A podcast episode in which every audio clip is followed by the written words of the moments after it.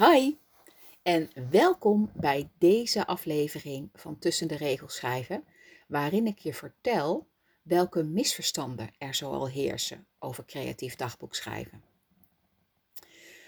Op mijn telefoon verzamel ik in mijn notitie-app allerlei quotes. Quotes die ik uh, ergens lees of hoor, of waar ik soms bewust naar op zoek ga. Begin dit jaar richtte ik mijn focus op schrijven, op creativiteit en op dagboeken. En ontdekte ik dat wat voor schrijvers geldt, hè, romanschrijvers, niet altijd voor dagboekschrijvers hoeft te gelden en andersom.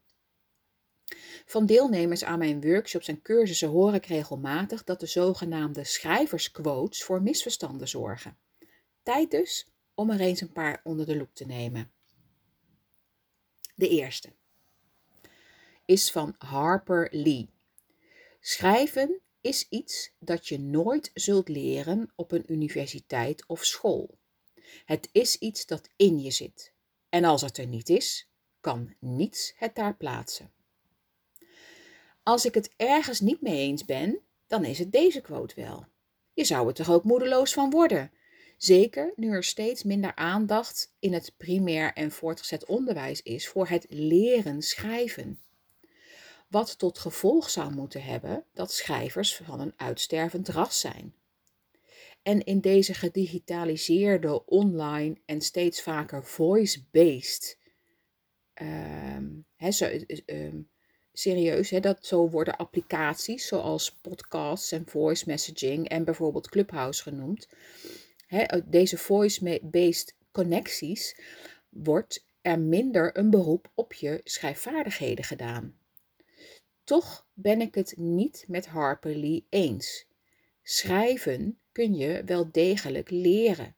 Simpelweg door het te doen. Door te gaan zitten en te schrijven al is het maar vijf minuten per dag. Niet omdat je nou per se een romanschrijver moet worden of artikelen uh, moet kunnen plaatsen, maar omdat je schrijvend je gedachten kunt ordenen, kunt onderzoeken. Uh, nou ja, ik zal niet in herhaling vallen, want over de voordelen van het trainen van je schrijfspieren verwijs ik je graag door naar aflevering 2 en 6. En als je eens een creatieve schrijfoefening wilt doen, ga je na het luisteren van deze podcast naar aflevering 3, 10 of 14. Quote 2 van Horatius. Horatius. Goed begrijpen is het beginsel en de bron van goed schrijven. Ik snap wel waar Horatius zijn uitspraak vandaan haalt, als het gaat om schrijven ten behoeve van publicatie, moet je wel weten waar je het over hebt, inderdaad. Het mooie van creatief dagboek schrijven is dat de technieken gebruikt kunnen worden juist om thema's te onderzoeken. In mijn ervaring zorgt schrijven er dus voor dat ik ga begrijpen wat er in mij leeft. Zolang ik niet begin met schrijven, krijg ik dus ook niks goeds op papier. Quote 3 van F.B. Hots. Men moet het leven tot kalmte manen als men gaat schrijven. Denken dat je jouw gedachten helemaal op orde moet hebben voor je kunt gaan zitten schrijven, dat je leven op rolletjes moet lopen, je huis aan kant is en iedereen om je heen tevreden en gelukkig, inclusief jijzelf. Vooral die laatste schiet er vaak bij in. Helemaal als je van nature gewend bent om te zorgen. Dat zorgen doen we graag en vergeten helaas vaak om ook goed voor onszelf te zorgen.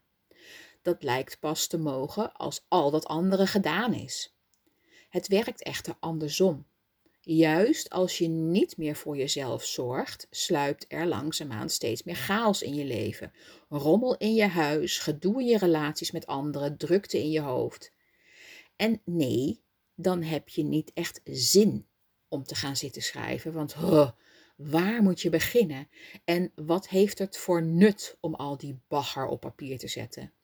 Waar haal je de tijd vandaan als er steeds van alles te doen is? en mensen iets van je willen. Misschien is het wel een kip-en-ei verhaal. Dat door het besluit tijd voor jezelf te maken, of dat nou is om te gaan zitten schrijven of een andere manier van zelfzorg, je leven kalmer wordt. Of door beter voor jezelf te zorgen, juist in periodes van drukte en onrust, wordt het kalmer en duidelijker in je hoofd. En hoe meer helderheid in je hoofd, hoe meer helderheid er in je leven komt. Een quote van Sylvia Townsend Warner. Je hoeft in je dagboek niet op te schrijven wat je nooit zult vergeten. Er zijn gebeurtenissen in je leven die je voor altijd wilt onthouden of maar niet uit je hoofd krijgt terwijl je dat het liefste wilt. Jaren heb ik mijn best gedaan om bepaalde herinneringen te vergeten, zeker nadat ik een poging deed deze op papier te krijgen. Het kost ongelooflijk veel energie en aandacht om herinneringen enerzijds levend te houden en anderzijds zo goed mogelijk te vergeten. Een bepaalde manier van autobiografisch schrijven brengt lucht en ruimte in je hoofd, omdat je het niet allemaal meer hoeft te onthouden of weg te drukken. Dus ik zou zeggen, ga juist schrijven wat je niet wilt vergeten. Of wat je wel wilt vergeten. Een quote van Carrie van Brugge. Door de noodzaak zich verstaanbaar te maken, is de kunstenaar aan het gangbaar taalgebruik gebonden.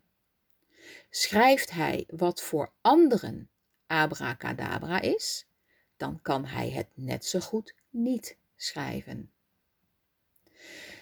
Creatief schrijven doe je puur en uitsluitend voor jezelf, om jezelf beter te leren begrijpen. Je hoeft dus niks uit te leggen, woorden te zoeken om anderen te laten begrijpen wat je bedoelt. Je gebruikt soms zelfs niet eens woorden, maar alleen kleur of beeld.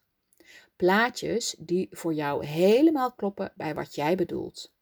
Woorden en beelden waar jij betekenis aan geeft, niet een ander. En dan de quote van Godfried Bomans. Schrijven is schrappen.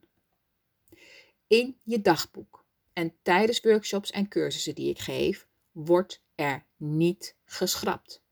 Alles wat je schrijft is wat er op dat moment is. Je schrijft wat er in je opkomt en dat hoeft niet grammaticaal te kloppen. Zelfs de zinbouw deert niet. Alles wat je schrijft is goed. De laatste quote die ik tot nu toe gevonden heb van Aldous Huxley. Als je wilt schrijven, houd katten. In januari deed ik een klein onderzoekje onder mijn volgers op Instagram. Eerst vroeg ik of ze katten- of hondenmensen waren. Dat leverde een 50-50 uitslag op. Daarna vroeg ik naar hun schrijverschap. 40% van hen had tevoren aangegeven dat ze van poezen hielden. 20% had laten weten hondenmensen te zijn. En nog eens 40% had helemaal geen voorkeur opgegeven.